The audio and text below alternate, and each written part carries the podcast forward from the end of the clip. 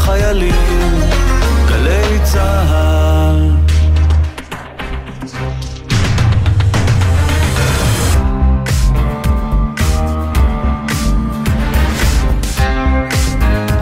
ערב טוב לכם.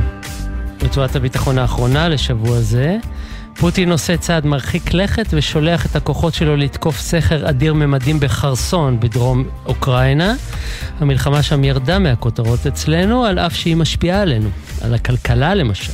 ואז קורה אירוע כזה, חמור ובעל השלכות, ומזכיר לנו שהדימום שם לא נפסק. עוד מעט נדבר על התקיפה הזו ומה היא עושה. מוחמד סלאח הוא גיבור הערבים בימים אלה, לא הכדורגלן, המפגע. החייל המצרי שרצח שלושה חיילי צה"ל לא בא ממשפחה יציבה. שוב, מחבל עם רקע נפשי בעייתי. האם ישראל מתמודדת עם מתמודדי נפש שבאו להרוג? ומה זה אומר בבואנו להדביר את תופעת הזאב הבודד? המקום שבו הפסיכולוגיה והטרור נפגשים, גם על זה נדבר עוד מעט. לסיום, 56 שנים למלחמת ששת הימים, השבוע, הערב כאן ניזכר במלחמה. דרך אחד שהיה שם, במצרים, לא בישראל, באותם ימים מטלטלים. אתם על גלי צה"ל, 732 עכשיו, מיד נתחיל. נפתח עם התקיפה הרוסית באוקראינה. ערב טוב לדוקטור שי הר צבי. ערב טוב. חוקר בכיר במכון למדיניות ואסטרטגיה באוניברסיטת רייכמן. ספר תחילה מה קרה שם. אה, למעשה, אתמול אה, בלילה, או שלשום כבר, אה, נשמעו פיצוצים בסכר שבעצם התפוצץ ושיטפונות אדירים הציפו את כל השטח כשאנחנו מדברים על סכר שנבנה ב-1956 על ידי הסובייטים אה, מבטון מזוין, 3.2 קילומטר אה, ומתנסה לגובה של 30 מטר, זאת אומרת סכר מאוד מאוד אה, מזוין, זאת אומרת שהיה צריך מן הסתם פעולה מבפנים כדי לפוצץ אותו, זה, זו הערכות, בגלל זה אחת הערכות שמי שעומד מאחורי הפיצוץ זה הרוסים, ובעקבות הפיצוץ של הסכר בעצם כמויות אדירות של מים שטפו את האזור, אנחנו מדברים על 80 יישובים, יותר מ-80 יישובים וכפרים שנמצאים או תחת סיכון, עשרות אלפי אנשים, יותר מ-40 אלף אנשים ו-5,000 בתי אב כבר נהרסו. אנחנו מאוד צריכים להיזהר במספרים כרגע כי אנחנו עדיין בעיצומו של האירוע. אבל אין ספק שיש פה נזק אה, אדיר, גם הומניטרי, גם אקולוגי. עדיין ההצפה מתחוללת ואנשים נפגעים? עדיין, כן, זאת אומרת עדיין, נכון שכבר פינו לא מעט אנשים, אבל שוב, אנחנו לא יודעים מה קרה עם האם יש אנשים שנלכדו, לא הצליחו להתפנות וכדומה, אה, זאת אומרת יש פה בהחלט אה, נזק אה, גם, כמו שאמרתי, גם הומניטרי, גם בנפש כנראה, אנחנו לא יודעים כמה, ואקולוגי, ואפילו זה משפיע כבר על מחירי החיטה.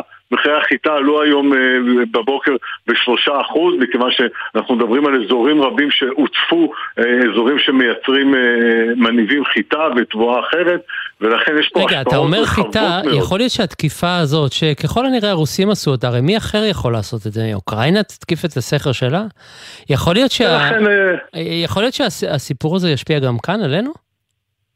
אה, לא, אני לא חושב שבסופו של דבר, גם עליית מחירי החיטה הייתה בשלושה אחוז, נכון? זה, מי שסוחר זה מאוד משמעותי, אבל עדיין עלייה מאוד מינורית, וכנראה המחירים בסופו של דבר יתאזנו תוך אה, מספר ימים, אבל אין ספק שהיא מצביעה על חלק משיטת הפעולה שהרוסים נוקטים באוקראינה מאז קיץ 2022 של להשאיר אדמה חרוכה, בעצם להרוס את המדינה, להרוס את הכלכלה, לא, לנסות אה, להעביר את המסר, אנחנו לא מוכנים לוותר, אנחנו נילחם, או פוטין, או מעביר את המסר, אנחנו נילחם עד, עד, הסוף, אין מצב שאנחנו הולכים להפסיד את המלחמה הזאת.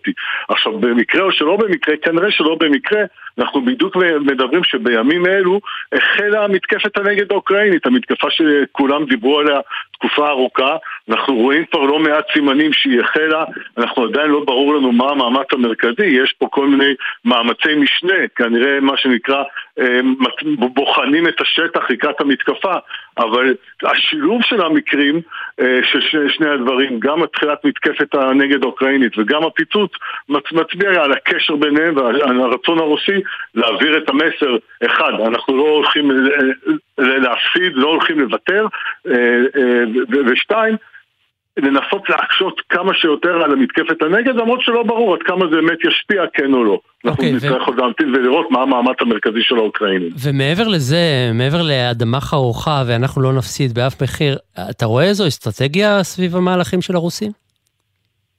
אה, כן, בסופו של דבר אנחנו, המלחמה למעשה נכנסת לשלב החמישי, אנחנו ראינו את המלחמה בחמישה עשר החודשים, היו כאן מספר שלבים, השלב הראשון המתקפה הרוסית, כיבוש שטחים, אחר כך הבלימה האוקראינית, ההצלחה של האוקראינים אה, לכבוש שטחים, אחר כך נכנסנו לחודשי החורף של, של התבצרות, כל, כל צד אה, והכנות לשלב הבא, ובעצם התחלנו אותו, את השלב הבא, כאשר הרוסים, יש ספק גדול האם הם יכולים בעצמם לבצע מתקפת נגד, ולכן הם אה, אה, התמקדו בעיקר בהתבצרות, התחפרות וניסיון להתגונן לקראת המתקפה הזאת, כאשר ההבנה שלי לפחות, שמבחינת פוטין הוא מבין שאין לו שום ברירה אחרת. כל זמן שהוא בשלטון, הוא לא יכול להרשות עצמו דימוי אפילו של הפסד, כי זה עשוי לבשר אולי את סוף שלטונו, סוף הלגאסי שלו וכדומה.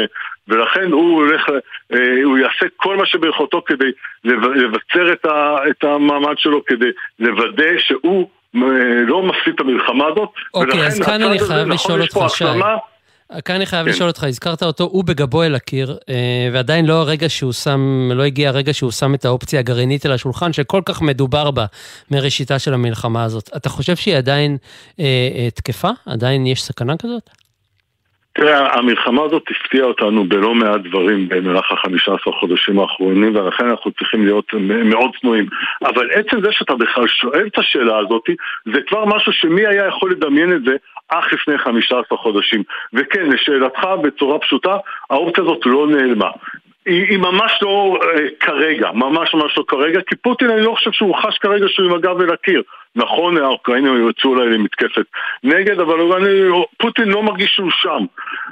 שאלת המפתח תהיה, אם האוקראינים יצליחו במתקפת הנגד, יצליחו לכבוש שטחים במזרח, בדרום, אולי אפילו יסכנו את קרים ויאיימו באופן משמעותי לכבוש את קרים. מה אז פוטין יעשה? האם אז האופציה הזאת עשויה לעלות על השולחן? לאו דווקא לשימוש, אולי כהרתעה מהמערב, תראו לאיפה אנחנו עשויים אה, להגיע, ולכן, לשאלתך, אני חושב שהאופציה הזאת ממש לא נעלמה, והיא שמה ומסתובבת, ופוטין עשוי לעשות בה שימוש לפחות בהיבט הדקלרטיבי, ומאוד מקווה שלא נגיע לתרחישי אימים אחרים. אתה רואה את הסוף של המלחמה הזאת? שאלת המיליון דולר שכולם שואלים את עצמם.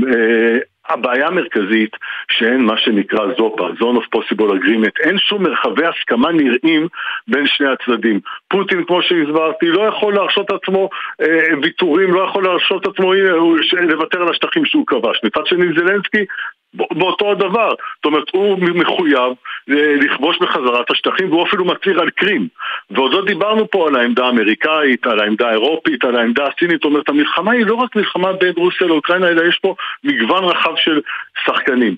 לפחות כרגע לא נראה שיש פה איזושהי דרך אה, לסיים, אנחנו כנראה ממש, נמשיך לפחות ב-23 ואני חושב שגם עמוק לתוך 24 ויש כאלה שחושבים אולי אפילו יותר במלחמת התשה מדממת שנראה שאף צד לא באמת כרגע לפחות יכול להכריע את הצד השני. דוקטור שער צבי, תודה רבה לך. תודה רבה וערב טוב.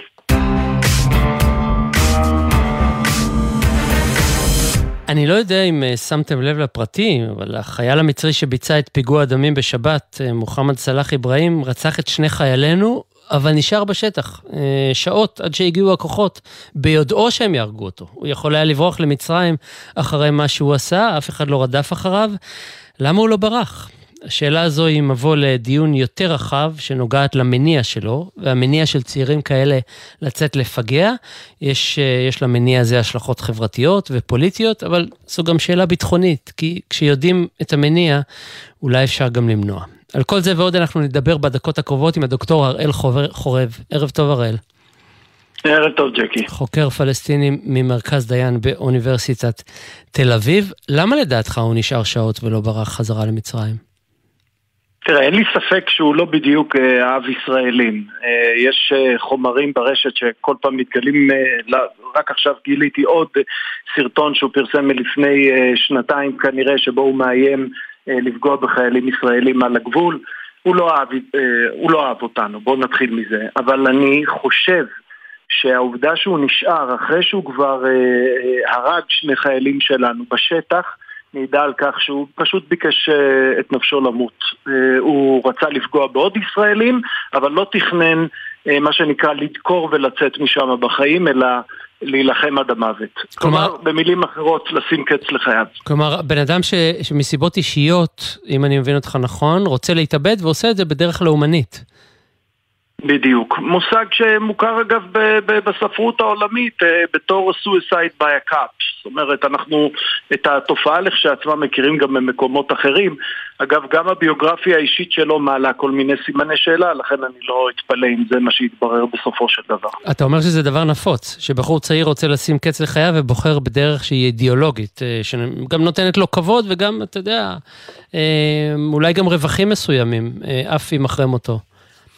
תראה, אנחנו בעצם מדברים על מגוון מאוד רחב של uh, מניעים שאפשר להכניס אותם מתחת למניע האישי הזה. זאת אומרת, זה יכול להיות uh, מבעיות כלכליות וחברתיות ועד דיכאון ומחלות uh, נפש קשות וגם מחלות סופניות. אני, אני אתן לך כמה דוגמאות. מאצלנו, מהמרחב שלנו, יסמין תמימי למשל, שתקפה שוטרים בחברון אחרי שהאירוסים שלה בוטלו. מנגד הייתה לנו קטינה שיצאה לפגע אחרי שאבא שלה ביקש לחתן אותה עם גבר בן 65.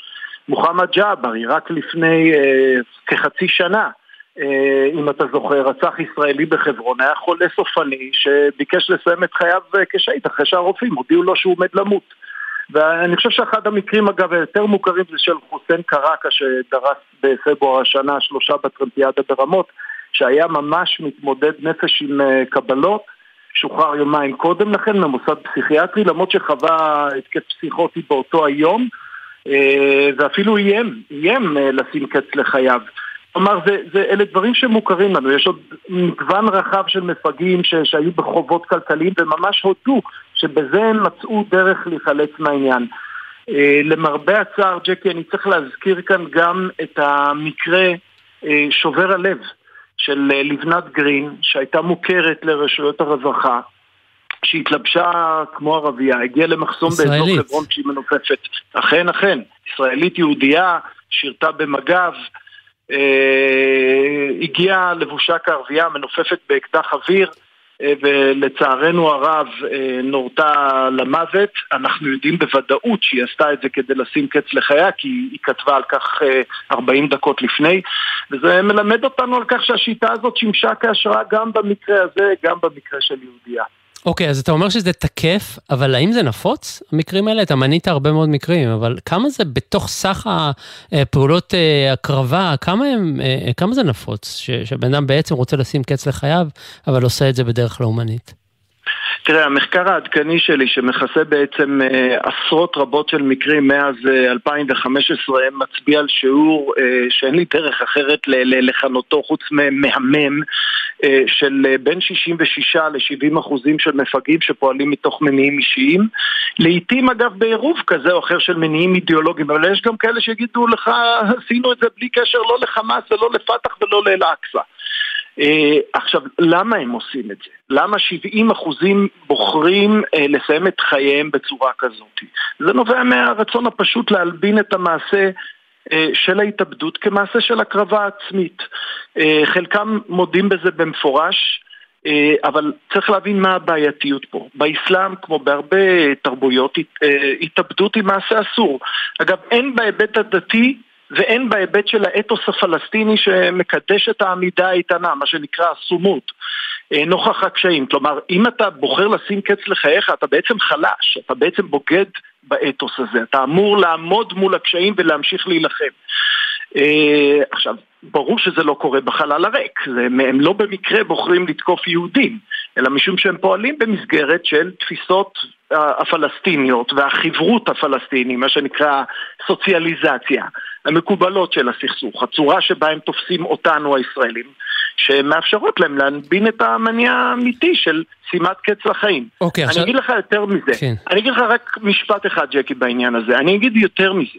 כעומק הפגיעה בישראלים בפיגוע כלשהו, כך גם עומק ההלבנה או ההסתרה של המניעים האובדניים האמיתיים. כלומר, ככל שהרגת יותר, סיכוייך לשכנע שעשית את זה ממניעים טהורים של הקרבה עצמית יותר גדולים. טוב, זה ברור, לא מאליו, מעצם ההגדרה.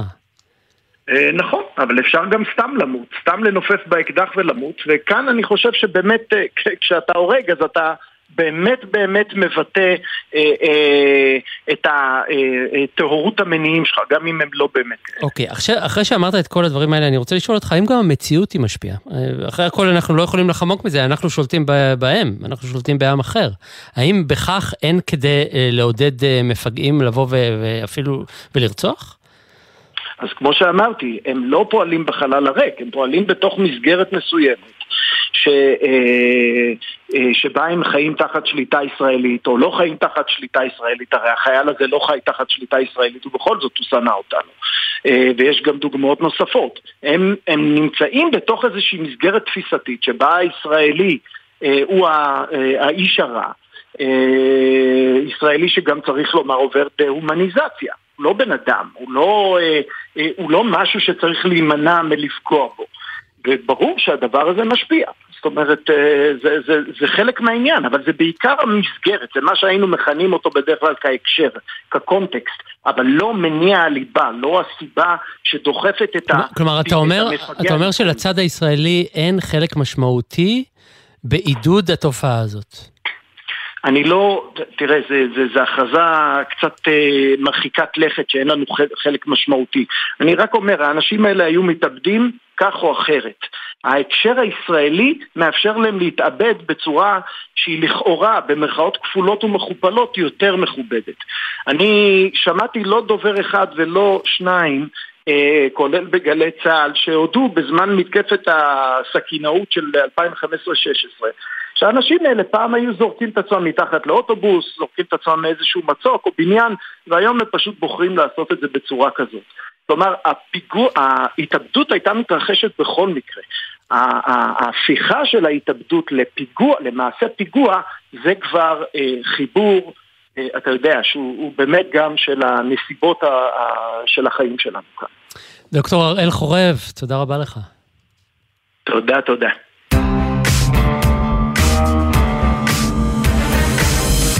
56 שנים למלחמת ששת הימים, המלחמה ששינתה פה הכל.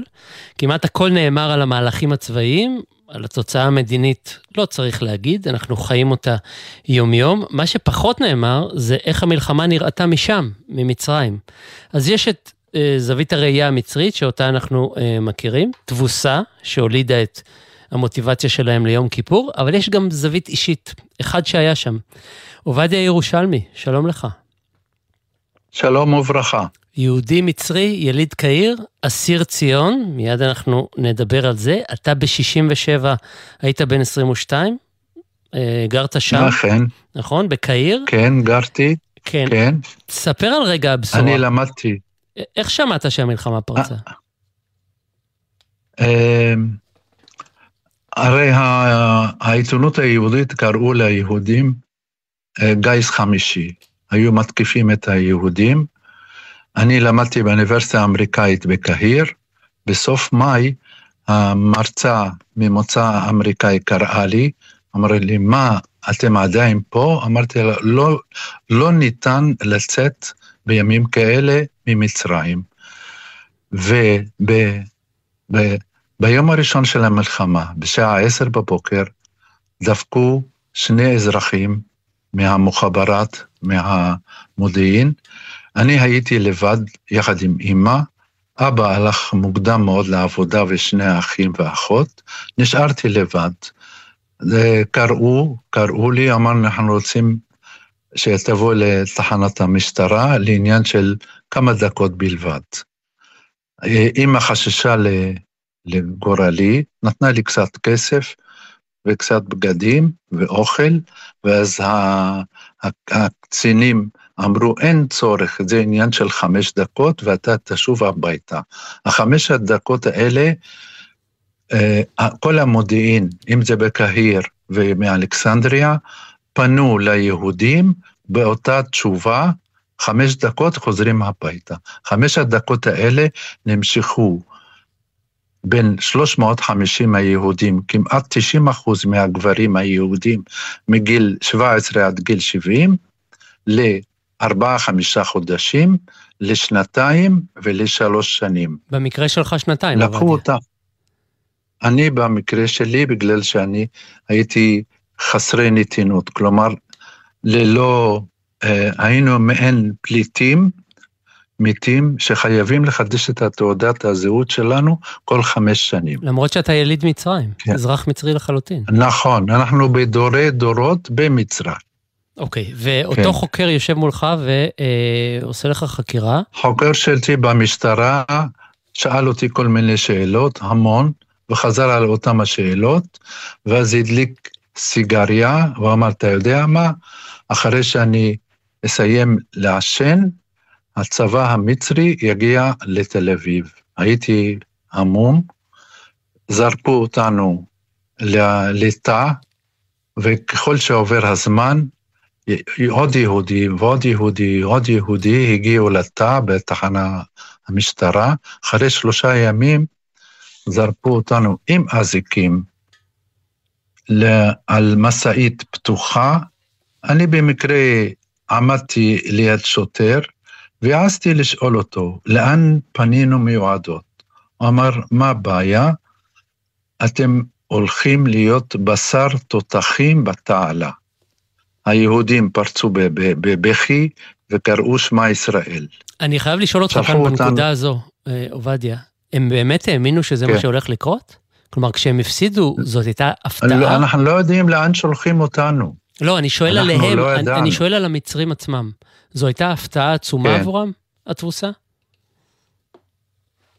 אנחנו לא ידענו ולא שאלנו שאלות כאלה, מפני שהיה חשוב מאוד הגורל שלנו ושל המשפחה.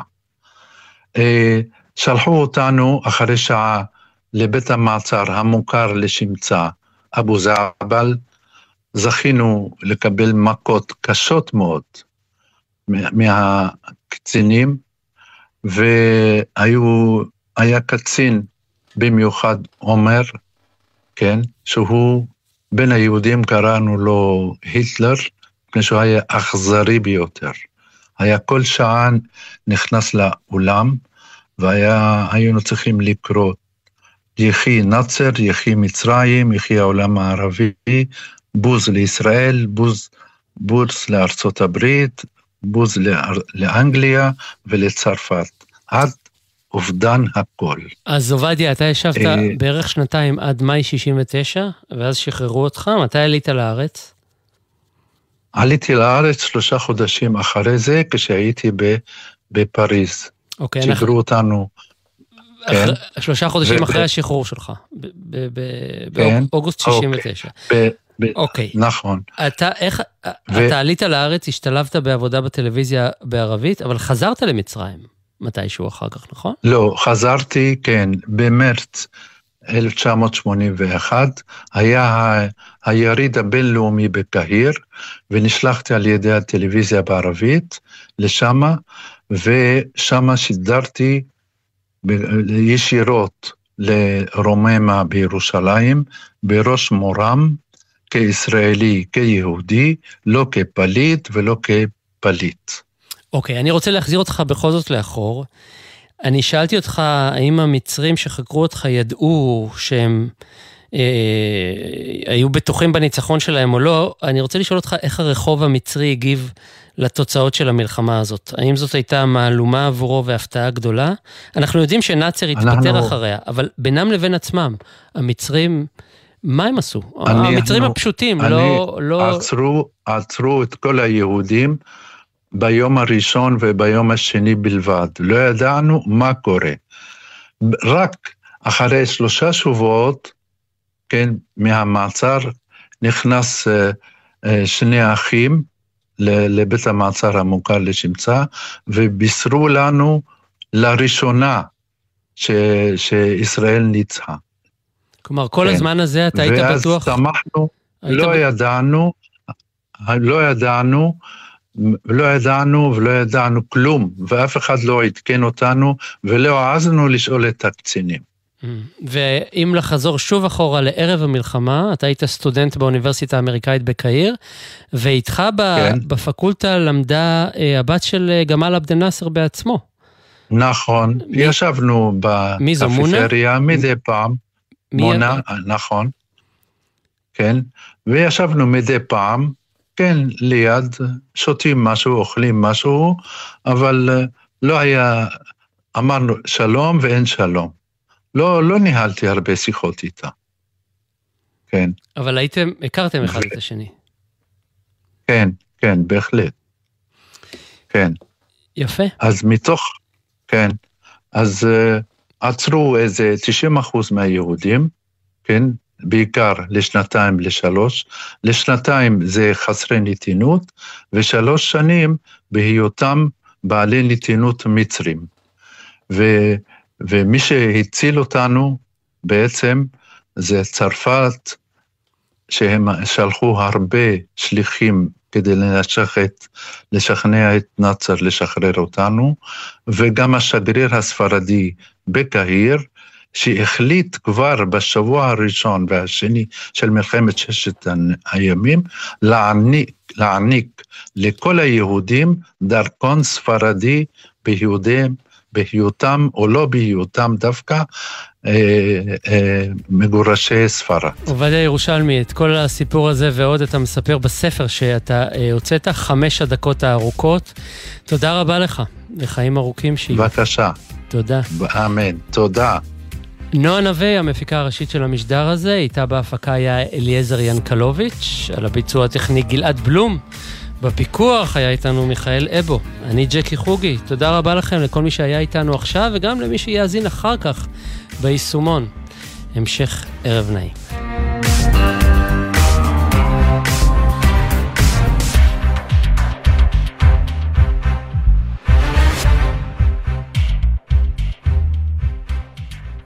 בחסות הפניקס סמארט, המעניקה עד 45% הנחה בביטוח המקיף. כוכבית 5432, או חפשו הפניקס סמארט בגוגל. כפוף לתקנון המבצע, הפניקס חברה לביטוח בע"מ. בחסות אוטודיפו, המציעה מצברים לרכב עד השעה 9 בערב בסניפי הרשת, כולל התקנה חינם.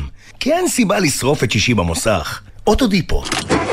מה נשמע, נשמע, סוף השבוע,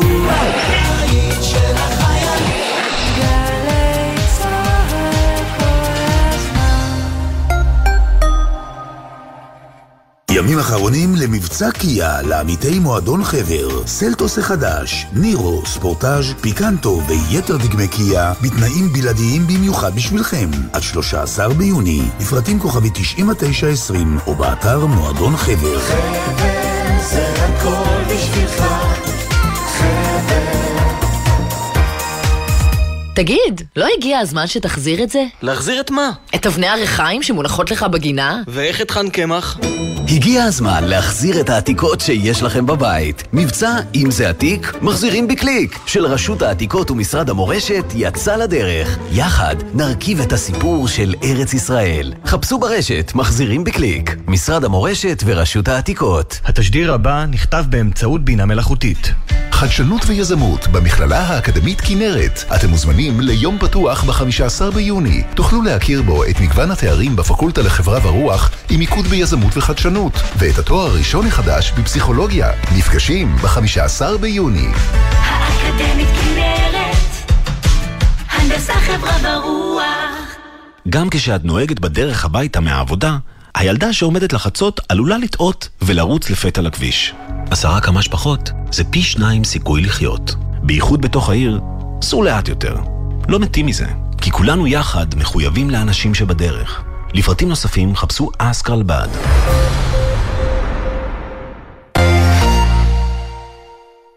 מה זה באמת להיות ישראלי? דינה זילבר במסע לתוך הישראליות עם דמויות מפתח בחברה, בספרות ובתרבות. והשבוע, הדוקטור אבי שילון. אני גם מזרחי במידה רבה ואני גם רואה את הנושא הזה של מזרחים ואשכנזים איך שהוא מתפתח כרגע בישראל בלי שום הבנה שכל המהות של הציונות היא גם לדלג על הדבר הזה. מילים ומשפטים עם דינה זילבר, מחר, שמונה בערב, גלי צה"ל. אתם מאזינים לגלי צה"ל.